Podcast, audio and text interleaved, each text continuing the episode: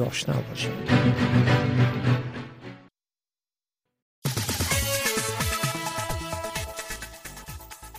دا واشنگتن دی تاسو د امریکا غږ آشنا رادیو السلام علیکم د امریکا غږ آشنا رادیو ترنو اوریدونکو په دې هیله چې روغ جوړ به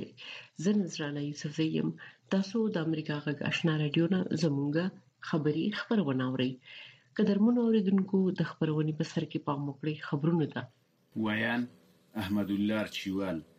د افغان بشر حقونو او ښځو لپاره د امریکا ځانګړې استازې رینا امیري طالبان د نجونو د ښوونځیو سربېره د لوړو زده کړو پر وړاندې په خنډونو جوړولو تورن کړي. تازه د افغانستان د ښځو او بشري حقونو په برخه کې د امریکا ځانګړې استازې رینا امیري ویلي، طالبان نه یوازې عملاً د نجونو ښوونځي بند کړي، بلکې د دوی لوړې زده کړې یې مخ په زیاتېدونکې توګه له خنډونو سره مخ کړي. امیري نن سهار په خپله ټویټرپاڼه په لیکنه کې په ځانګړي ډول هزاره نجونو ته اشاره کړې لیکلي یې دي، معتبر راپورونه شته چې طالبانو د کابل پوهنتون له لیلیې څخه هزاره نجونې ویستلې او د هغوی راتلونکی یې له خطر سره مخامخ کړی. ناروې د افغانستان په اړه د بحثونو لپاره د یوې مهمې غونډې د جوړېدو خبر ورکړي. د ملګرو ملتونو په امنیت شورا کې د ناروې دایمي استازولۍ په دې اړه په یوه خپره کړې خبرپاڼه کې که څه هم د دغه غونډې کره وخت نه دی ښودلی، خو ویلي دي چې د بندو دروازو تر شا به د افغانستان په اړه په بېلابېلو مسایلو په کې بحثونه وشي. په اعلامیه کې راغلي چې غونډې ته د امنیت شورا پنځه دایمي غړي هېوادونه هم وربلل شوي، خو د ګډون کوونکو هېوادونو نومونه نه دي اخیستل شوي. د خبرپاڼې پر بنسټ، دې غونډې ته به د افغانستان د وضعیت په اړه په یاد هېواد کې د ملګرو ملتونو استازي معلومات ورکوي. د اروپا پارلمان نن د طالبانو د واکمنۍ پر سیمه ییزو اغېزو بحث کوي. دغه بحث د اروپا د پارلمان د بهرنیو اړیکو په کمېټه کې جوړېږي. تمه ده په دې غونډه کې به د افغانستان لپاره د اروپايي ټولنې ځانګړی استازی توماس نیکولسن، د بشري حقونو د څار سازمان یوه مسؤله هیدر بار، د افغانستان لپاره د اروپايي پارلمان د ټاکل شوي ډلګۍ مشر او ځینې افغان فعالان برخه واخلي. د اروپا په پارلمان کې داسې وخت د طالبانو د واکمنۍ په اغېزو بحث کېږي چې په افغانستان کې د نجونو د ښوونځیو له تړل کېدو څلور سوه ورځې تېرې شوي. ملګري ملتونه وايي، تېر یو کال د ښځینه خبریالانو پر وړاندې شوي چلند ته په کتو، له ټولنیز ژونده د ښځو د لرې کولو یوه منظمه هڅه څرګندوي. په افغانستان کې د ملګرو ملتونو د ښځو دفتر وايي، په دې اړه یې څېړنې کړي چې تېر یو کال په دغه هېواد کې له ښځینه خبریالانو سره څه شوي او دا د افغانستان لپاره څه معنا لري. دغه اداره زیاتوي چې طالبانو رسنۍ سختې محدودې کړي، او له تلویزونونو د ښځو د څېرو او نظریاتو په بندولو سره یې په ټوله کې له ټولنیز ژونده د ښځو د رول د کمولو سیستماتیکه او منظمه هڅه روانه کړې. له امریکا غږ راډیو خبرونو ته دوام ورکوو. په کراچۍ کې د ترهګرۍ ضد یو عدالت د جنوبي وزیرستان استازي او د پښتون ژغورنې غورځنګ مخکښ مشر علي وزیر خوشې کړی. د علي وزیر وکیل قادر خان مشال راډیو ته ویلي،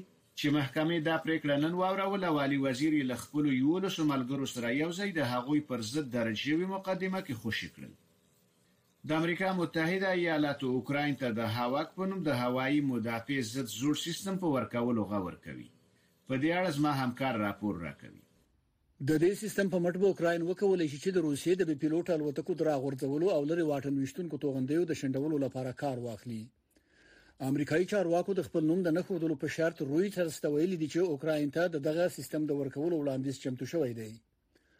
هوا کې د سټینګر مزایلو د سیستم پرمختللې بڼه ده لازمه کې نه هوا ته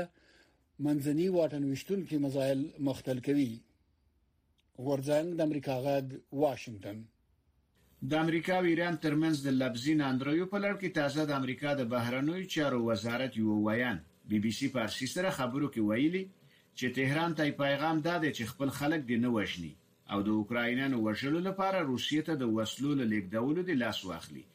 هغه همدارز یو ځل بیا ټینګار کړي چې ایران ته یا اټومي هوکړې ته ګرځېدو لپاره د بیړې کولو کوم پیغام نه دی استولی دا په داسې حال کې ده چې ایراني چارواکو د روانې اونۍ پیل کې وویل امریکا پیغام ورلیږلی او ګواکې اټومي هوکړې ته بیړه لري.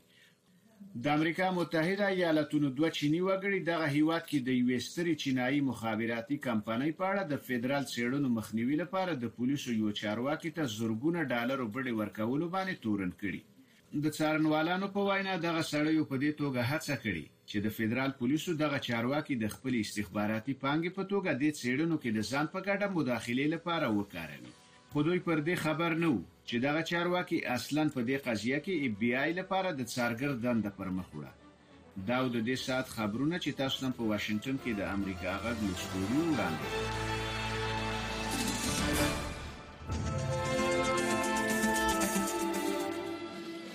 د امریکا غږ آشنا رادیو درنو اوریدونکو تاسو کولی شئ د امریکا غږ آشنا رادیو خبرونه په منځنیو څپو دولس، شپږ نوي او نهه سوه دوه اویا کیلو هرتز او لنډې څپې یوولس زره پنځه سوه پنځه اویا باندې واورئ.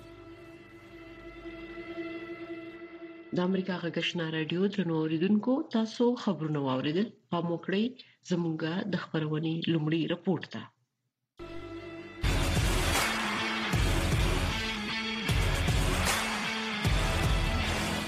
د کرکټ شل اوریز نړیوال جام په اړه د امریکا غږ ځانګړې خبرونه دا ځل د افغانستان د کرکټ ملي لوبډله په استرالیا کې د 2022م نړیوال شل اوریز کپ د ګټلو لپاره بخت ازمایي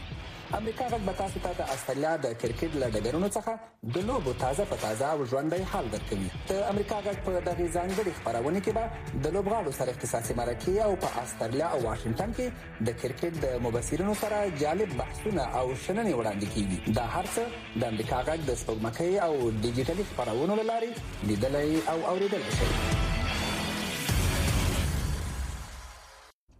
په افغانستان کې د جنو په زده کړو د طالبانو حکومت لخوا د محدودیتونو په دوام کې د افغانستان د خزو او جنو د حکومت په چارو کې د امریکا ځانګړي استاد رینا اميري د جنو په زده کړو باندې ټینګار کړی دی د ملګرو ملتونو د خزو د ملاتړ ادارې هم خبرداري ورکړې چې طالبانو پوره هڅه کړې چې خزي د ټولنیز فعالیت منع کړي خو طالبان وايي د شریعت تطبیق کوي په مخ لري رپورټ ته رینا اميري نن سه شنبه په ټوئیټر باندې لیکلي څلور سوه ورځې کېږي چې طالبانو نجونې ښوونځیو ته له تګ نه منع کړې دي. طالبانو د لومړۍ ورځې تر امر ثاني د نجونو پر مخ د شپږم پورته ټولګي بند ساتلي، خو د امریکا ځانګړې استازې د ښځو او نجونو په ګډون د ټولو افغانانو زده کړې د افغانستان د بې وزلۍ څخه د وتلو او هیلو راژوندي کولو کلیدي مسله بللې. ځینې زده کوونکي وایي، طالبانو یې هیلې رژولې دي. څلور سوه ورځې مکملې شو دا چې زموږ پر مخ د ښوونځي دروازې تړل شوې دي موږ د افغانستان د ثبات لپاره ډېرې هیلې او ډېرې ارزوګانې درلودې دا چې خپلې ټولنې ته او خپل هیواد ته خدمت وکړو خو اوس مهال موږ د زده کړې څخه نامحرومه شوي یو او لکه زما په څیر د افغانستان ټولې انجونې مایوسه او ناامیده دي د امریکا د حکومت استازي رینا امیري وی طالبان نشي کولای د نیمایي نفوس پر زده کړو او کاري فرصتونو سترګې پټې کړي دا هغه خبرداری دی چې د تعلیم پلویان یې د افغانستان راتلونکي ته لوی زیان بولي د نجونو غوښتنه د افغان پلرونو میندو غوښتنه همدا ده چې نجونو ته د زده کړو اجازه ورکول شي که چیرې نجونو ته د زده کړو اجازه ورنه کول سي په راتلونکي کلونو کې به موږ تعلیم یافته میندې ونه لرو موږ به ښځینه ډاکټرانې ښځینه ښوونکي په تجارت او نورو برخو کې ښځینه پوهه ښځې ونه لرو چې دا د افغانستان پر اقتصاد او پر نورو برخو باندې منفي تاثیرات لري حتی ډېر افغانان په دې فکر کې دي چې څنګه افغانستان د خپلو نجونو د زده کړو لپاره پرېږدي مهاجرت وکړي په عین وخت کې د افغانستان لپاره د امریکا د سفارت سرپرستې کرن ډکر په ترکیه کې د افغانستان د مدني ټولنو د یو شمیر فعالانو سره لیدنه کړې او په ټویټر یې ولیکل چې غوښتل یې پوه شي بهرمیشتي افغانان د افغانستان دننه خلکو سره څه ډول وصل دي دغه امریکایي دیپلوماټ لیکلي چې د خبرو له لارې د حل پر لارو چارو تیره اونۍ په عرب متحده اماراتو کې مجلسونه شوي او همدا سفر یې د هماغه هڅو برخه ده. حتی د یو لنډې مودې لپاره د زده کړو او تعلیم څخه د میرمنو او نجونو بې برخې کول د دې سبب کیږي چې یوه ټولنه د ډیرو کلونو لپاره رنځوره او معیوبه سي. دا یو غمجنه، د شرم وړ او په بشپړه توګه د افغانستان د راتلونکي لپاره د زیان نه ډک ورځې دي. د افغانستان د وضعیت په اړه هغه ټول میشته هیوادونو او مخصوصا د امریکا د متحده ایالاتو نقش د دوه د توافقنامې د یو اړخ په حیث د طالبانو د سیاستونو د تغییر په برخه کې مهم او اساسي ونده لري د افغانستان د پاره د ملګرو ملتونو د خزو څانګې هم خبر ورکړي چې په افغانستان کې خزې له ټولنیزو فعالیتونو منع کیږي دغه دفتر په اعلامیه کې لیکلي دي چې د تیر کال راهیسې د خزینه خبريالانو وضعیت ته په کتو دوامدار هڅې روانې دي چې خزې له ټولنیز ژوند نه محروم شي تر دې مخکې د افغان خزو او نجونو د حقوقو په چارو کې د امریکا ځانګړي استاذي رینا امیری ویلیو ک طالبان غواړي نړیوال مشروعیت ترلاسه کړي باید د نجونو او خزو حقوق تامین او په پام کې ونیسي سپینې خبرې د ورځې په خبرونو او مسایلو د نظر د خاوندانو سپینې خبرې او د اوریدونکو نظرونه هر مخام د اتو بجو نه تر نه بجو پورې د امریکا غږ آشنا رادیو یو ساعته پښتو او دری خبرونه د ناروې شاهي دولت د افغانستان په اړه د یوې غونډې د جوړېدو اعلان کړی دی تیرونی د ملګرو ملتونو امنیت شورا هم د افغانستان په اړه یو غونډه جوړه کړې و د بشر حقوقو د سر سازمان د خزو د برخې مشرې حیدربار زموږ د همکار احمد الله ارچوال ته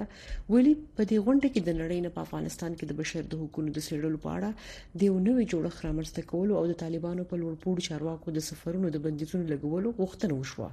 پام وکړئ د مرکې ته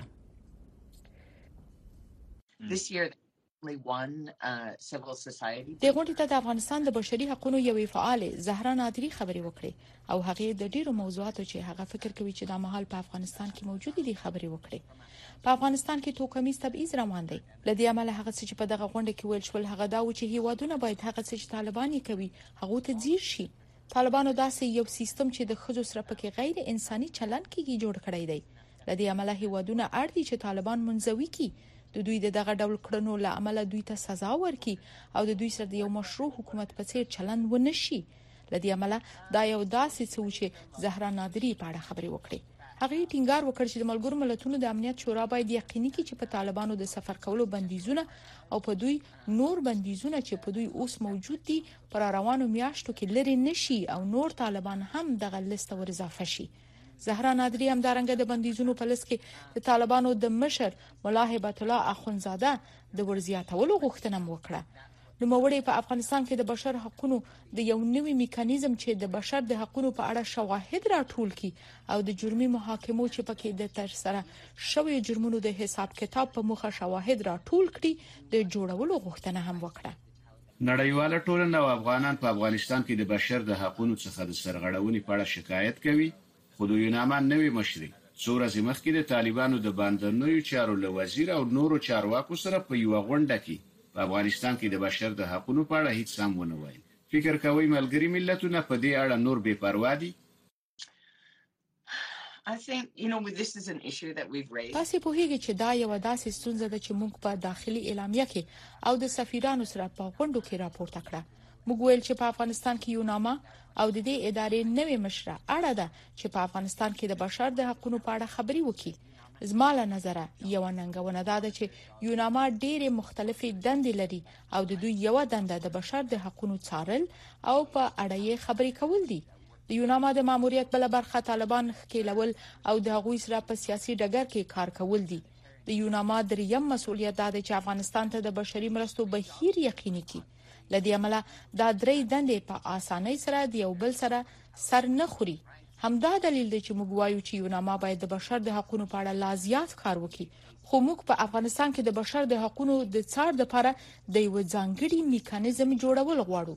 داسې میکانیزم چې په دې اړه معلومات راټول کو جوړولو ته یې اړتیا لرو دا سې یو مرجع چې خلک ورته د بشر د حقوقو د سرغړونو انزورونه او ویډیوګانې وروليږي او دوی ورڅخه داسې معلومات چې دغه تيري چيرته کيږي او څوک يې کوي هم معلوم کړي. دا نوی جوړښت چې موږ يې د جوړيدو وړانديز کوو دا به د دې معلوماتو کره والی، د دغو تيروتنو د ترسره کوونکو او د هغه ځای چې دغه تيروتنې پکې رامنځته شوي وي او همدارنګه د هغه چا چې دغه کارونه يې ترسره کړي وي د هغوی په اړه معلومات راټولوي او دوی به مسئول ګرځوي. د ملګرو ملتونو د امنیت شورا له غونډې وروسته د افغانستان د ښځو د دوستانو په نوم د اوویشت هیوادونو یو ګروپ د افغانستان د ښځو په ملاتړ یوه اعلامیه نشر کړه خو په دې ګروپ کې د افغانستان هیڅ یو ګاونډي، پاکستان او ایران په ځانګړي توګه، نه وو. د دې لامل څه دی؟ Um, زه فکر کوم چې د افغانستان غونډي هیوادونه بل ډول نظریات لري یقینا پاکستان له اولې ورځې غواړي چې طالبان باید په رسمیت وپیژندل شي په سیمه کې نور داسې هیوادونه هم شته چې هغوی له دغه نظر سره موافق نه دي خو دوی په طالبانو د نیوکو لامل عصباني کیږي دوی داسې فکر کوي چې دوی د طالبانو سره تعامل کولو ته اړ دي نو لدی عمله زه فکر کوم چې عموما دا خبره چې د بشر له حقونو او د خځو له حقونو څخه د سیمې د هوادونو ملاتړ نه کول خواشینون کې دي خو متاسفانه دا د حیرانتیا وړ خبره نه ده خو دغه ګروپ چې اعلامیه خبره کړې ده د هغوی اعلامیه ډیره خوه زهرا هغوی ته هم خبرې وکړې او د بیلابلو هیوادونو د سفیرانو سره هم د افغانستان د خځو په وضعیت غونډې درلودې د افغانستان ګاونډیانو پاکستان او ایران د افغانانو پر وړاندې خپلې پولې تړلي، دا د بشر پر حقونو یو تیری دی، په دې اړه نړیواله ټولنه ولې څه نه وایي؟ موږ دا موضوع هم وخت په وخت په دې غونډو کې راپورته کوو، موږ ټینګار کوو چې د افغانانو تخلیه او بیا میشت کیدل باید دوام وکړي، څوک باید خپلې پولې ونه تړي، ځکه هغه خلک چې غواړي افغانستان پریږدي هغوی اوس هم شته، دا هغه بل پیغام دی چې موږ یې نړۍ ته ورکوو موږ له هیوادونو غواړو چې خپل پولي پرانیستي وساتي د 1951 کال د ملګرو ملتونو کنونسیون حکم کوي چې هر هغه څوک چې د شکنجه لاندې وي هغه د هوا د پریخودو او د پناه غوښتنې حق لري او د دې لپاره د خلکو کومه شمیره نه ده ټاکل شوې د کنونسیون کې ویل شوې دي چې هر هغه څوک چې دغه ډول حالت سره مخ وي هغه دغه حقونه لري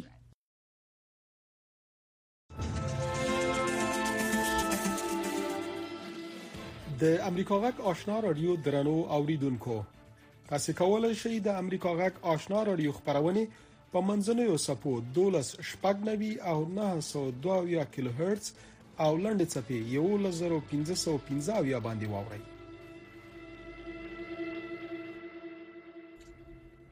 د هرات ښار ته سیرما یو میرمن چې د شاتو د مچیو کاروبار کوي د نارینه لباس اغوندي او ویل دي چې خزه د کور د باندې د کار کولو لپاره د خپل هویت پټولو ته مجبور نه وي نور حال په دې رپورت کې منچګل کریمی کار ته د تللو د پاره تور پټکۍ په سر کوي او وایي په افغانستان کې میرمنې د غرونو په اندازه ستونزو او خندونو سره مخامخ دي خو مېرمن کریمي پتېیلې ده چې له دغو خنډونو سره مبارزه وکړي او د روان وضعیت او ټولنیزو فشارونو سره سره خپل د شاتو کاروبار ژوندی وساتي. وقتی با لباس مردانه میام میرم کسی مر نمیشناسه که آیا مه زنم یا مردم و خیلی راحت میتونم کار خو را انجام بدم و مه آرزو دارم که یک روز خانم با یک وسیله شخصی خود یا بتونه سر کار بره. دا شپږ دېرش کلنه مېرمن هره ورځ په خپل موټرسایکل باندې کار ته ځي. د هغې د شاتو د مچیو فارم د هرات ښار په پنځه ویشت کیلومترۍ کې په یوه کلي کې دی. مېرمن کریمي د خپل مېړه سره د شاتو د مچیو کار له شپږ زره پنځه سوه افغانیو پیل کړ او اوس یې سرمایه له څلور سوه زرو اوښتې ده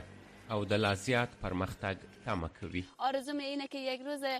ملکه زنبورا به افغانستان معرفی باشم به کل جهان معرفی باشم و یعنی تا اندکی که با محیط خود خو با منطقه خود خو معرفی شدم حتی یک تفلک های خیلی خوردی هستن که مر به اسم اصل صدا میکنن یا به اسم مادر زنبورا صدا میکنن و خیلی بر من خوشاینده د تیر کال په اګست کې د طالبانو واکمنېدو د افغانستان اقتصاد له سقوط سره مخامخ کړ دې کار د مېرمن کریمي د شاتو د مچیو کاروبار هم اغېزمن کړ. د هغې مېړه د کار موندنې دپاره د افغانستان یوه ګاونډي هېواد ته ولاړ او دا له خپلو اوو ماشومانو سره یوازې پاتې شوه، خو مېرمن کریمي حوصله ونه بایلله، د نارینه جامه یې پر تن کړه او په یوازې توګه یې خپل کاروبار ته ملا وتړله. کوههایی که جلوی خانمها گذاشتن اونا برداشته بشه باید مانع خانمها نشن. چون یک وطن فقط به مرد نیاز نداره به زن هم نیاز داره من اولا گفتم زن یک پایه قوی یک کشوره وقتی ما میگیم زن زن به معنی اینیه که به خانه بشینه فقط بچه داری کنه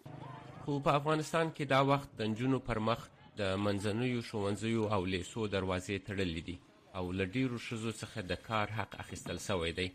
طالبانو په تېر یوه کال کې ډېری داسې قوانین عملي کړي دي چې د دوی د نولس سوه نویمې لسیزې له واکمنۍ سره ورته والی لري. اکثره کاروباري مېرمنې چې د دې فرصت یې درلود له هېواده وتلې دي او نورې هغه چې لا تر اوسه په افغانستان کې پاتې دي د دغه وضعیت د بدلون غوښتنه کوي. متاسفانه برای خانمها اجازه کاروبار نیه و هنوز خانمها حراس دارند، ترس دارند از اینکه بیرون شوند و کاروبار کنند و از این میترسند که مانع کار بار خانم ها بشن قبلا هم به شما گفتم من آرزوهای خیلی بزرگ دارم دوست دارم با آرزوها خو برسم دوست ندارم سقوط کنم و مجبورم که با همین کوشش مردانه که هست کاروبار کنم میرمن کریمی دا وخت د شاتو د مچیو د درې فارمونو څښتنه ده او په افتخار سره وایي چې د کلي ماشومان ورته د شاتو د مچیو مور وایي هغه خپل د فارم شات په نیم کیلویي بوتلونو کې اچوي او وايي د بازار خوند د تېرو کلونو په څېر نه دی پاتې. دا مېرمن د کار دپاره خپل د مېړه لباس اغوندي، وايي راتلونکي ته ډېرې هیلې لري، مورال نه بایلي او خپل کاروبار ته د نارینه په لباس کې ادامه ورکوي.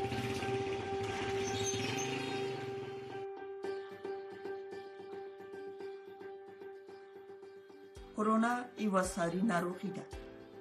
او مخنیوي لپاره یې لازمه ده چې ټول احتیاطي تدابیر ونیسو هم ځان وساتو او هم نور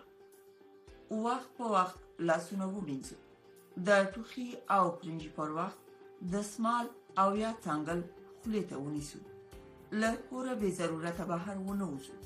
او د وټو پر وخت ماسک باندې خلا او پزه پټه دې کې د هر چا صحت خوندي کیږي زه نو شاباش نه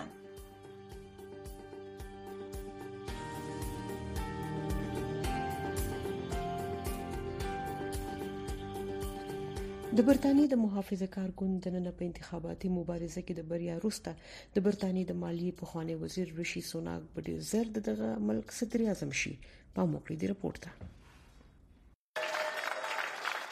د اوو اونیو په موده کې د بریټانیې دریم لومړی وزیر بریتانیا یو عظیم هیواد دی خو له شک پرته موږ له یوې لویې اقتصادي ننګونې سره مخامخ یو موږ ټیکاو او یووالي ته اړتیا لرو. شنونکي وايي، ښاغلی سوناک یو لوی لومړیتوب لري. چې د حکومت د پیسو د مصرف او قرضې اخیستلو ترمنځ انډول رامنځته کړي او نړیوال مارکیټونو ته ډاډ ورکړي چې بریتانیا له سیاسي ثبات څخه برخمنه ده. سوناک د پخواني لومړي وزیر بوریس جانسن په دوره کې د مالیې وزیر و. بوریس جانسن د یکشنبې په ورځ د صدارت لپاره د بیا ځلې ټاکل کېدو له سیالۍ لاس په سر شو.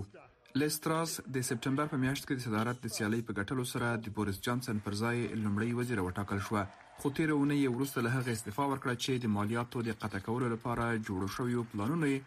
د حکومت د پور اخیستنې بیې لوړې کړلې. ریشي سوناک چې په تېرو سیالیو کې د اغلې تراس په وړاندې میدان بایللی و، د دوشنبې په ورځ یې د ډېرو محافظه کارو وکیلانو ملاتړ ترلاسه کړ او لومړی وزیر وټاکل شو.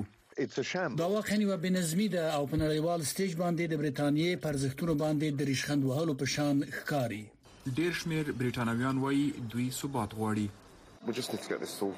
موږ غواړو چې نظم رامنځته شي، موږ واقعا د شرم احساس کوو، موږ د ټولو بهرنیو رسنیو د خندا موضوع ګرځېدلي یو. زه غواړم چې بریتانیا یو آرام حکومت ولري چې له بریګزیټ، د کووید له وبا او له بریتانیې سره د پریکون د ګواښ په وړاندې هیواد اداره کړي. شپږ کاله مخکې کله چې بریټانویانو له اروپایې اتحادیې څخه د وتلو لپاره رایه ورکړه، له هغه وخته راهیسې دغه هیواد پنځه لومړي وزیران تجربه کړي دي.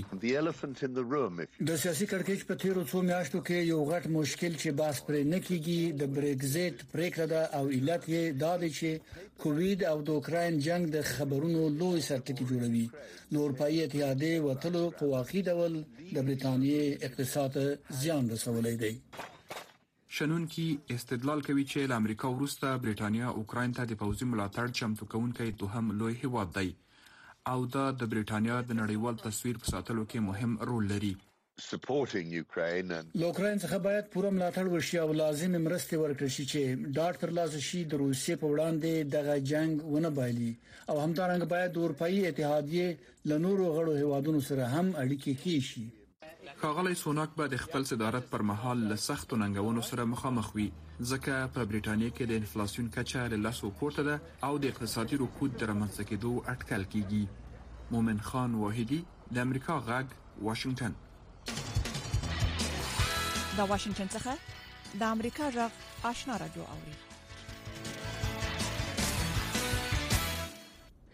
په نړۍ کې د افغانستان او پاکستان هغه دوه هیوادونه دي چې لا هم پکې د پولیو یا ګوزن ناروغي شته سکهال په افغانستان کې دوه او په پاکستان کې شل ماشومان په ګوزن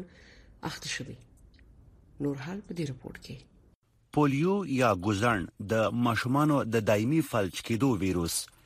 سږکال په افغانستان کې دوه او په پاکستان کې شل ماشومان په ګوزن ناروغي اخته شوې دي د طالبانو حکومت د عامه روغتیا وزارت وایي د تیر کلونو په پرتله په افغانستان کې د پولیو مثبتو پیښو کې د پام وړ کموالی راغلی دی د افغانستان په کونړ او پکتیکا ولایتونو کې دوه ماشومان په ګوزن اخته شوې دي دا چې لا تر اوسه پورې په افغانستان کې د پولیو واقعیت مثبت واقعیت شته ده یو لوی لامل هم دا ده چې د افغانستان سرحدات خلاص دي د ګاونډیو هوادونو څخه هم رفت آمد ده نو دا یو لوی ستونزه ده چې په افغانستان کې لا تر اوسه پورې موږ د پولیو مثبت واقعیت لرو د دې ترڅنګ یو لوی ستونزه ده چې بدبختانه په مخکې وختونو کې د پولیو د واکسین هغه کوري چې په هغه اندازه باندې نو څومره چې ورته اړتیا ولا نو همدا یو لوی ستونزه ده چې ایمونایزیشن نه ده شوی معافیت چا نه ده ترلاسه کړی لا تر اوسه پورې په افغانستان کې موږ د پولیو واقعات لرو په پاکستان کې چارواکي وایي ناامنیو او د خلکو د پوهې د ټیټې کچې له کبله ماشومان په ګوزڼ ناروغي اخته شوي دي یو شمېر ډاکټران وایي د پولیو کمپاین په سمه توګه ترسره شوی نه دی چې خلکو چې کې پوهنه نه لري نو پر دا علاقې کې هغه کوشنین د وخت ډیر پاتې شوی دي هغه مور او پلا ډیر پاتې شوی دي خپل کوشنیانو ته دا ویکسین نه ورکي سر نسل وجنه یا د مذهب له وجنه یا د بل څه مسکپشن له وجنه نو هغه له وجنه دا هغه سه دا دا وایرس په دغه علاقو کې پاتې شوی دی په افغانستان کې د ملګرو ملتونو د ماشومان د ملاتړ صندوق یا یونیسف په همکارۍ د ماشومان پولیو ویروس ناروغي مخنیوي په هدف سکل شپږ ملي او دوا فرعي کمپاینونه تر سره شوي په افغانستان کې یونیسف وایي له هم د افغانستان په یو شمېر سیمو کې اجازه نه لري چې د پولیو واکسین لګولو لپاره کور په کور کمپاین وکړي. څه ځایونو کې مونږ ته لا اجازت نشته چې مونږ کور په کور کمپاین وکړو نو مونږ په داسې څه ساحو کې جمعات کې یا واکسین کوو او یا مونږ داسې په حجرو کې او جمعات میکس واکسین نه کوو دغه د وجنه مونږ ماشومان پاتې کیږي د کمپاین نه نو که دغه موږ ته اجازه ملو شو چې موږ ټول کور په کور واکسین وکړو په ټوله افغانستان کې زمونږ دا پوره یقین دی چې موږ د پولیو وایرس چې دی د دې د خورېدل دا به مستقل د افغانستان نه ختم کړي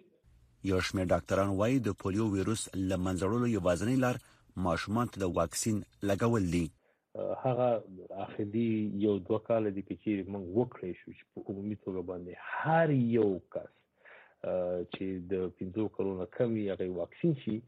نو هله منم چې په راتلونکي کال دوه کالو کې موږ دا واقعي صفر ته ورسیږي به هم د فرضي کرخنا خواته کې چې بلوچستان کې هیڅ واکسین ونه شو په سپتمبر کې سیلابونه چې راغلل ډیر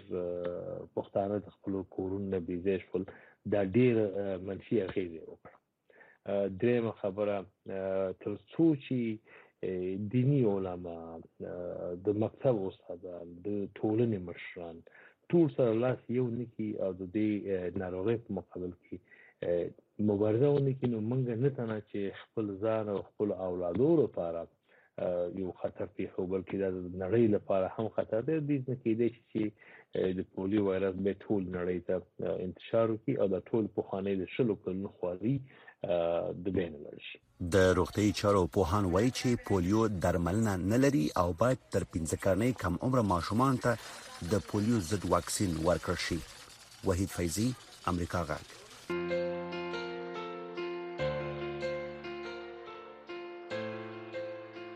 قدرمن اوریدونکو تاسو د امریکا غږ آشنا رادیو نه زموږ خبری خبرونه واوریده موږ تاسو نه په دې هیله اجازه غواړو چې خبرونه به اوریدلې وي د خدای په امان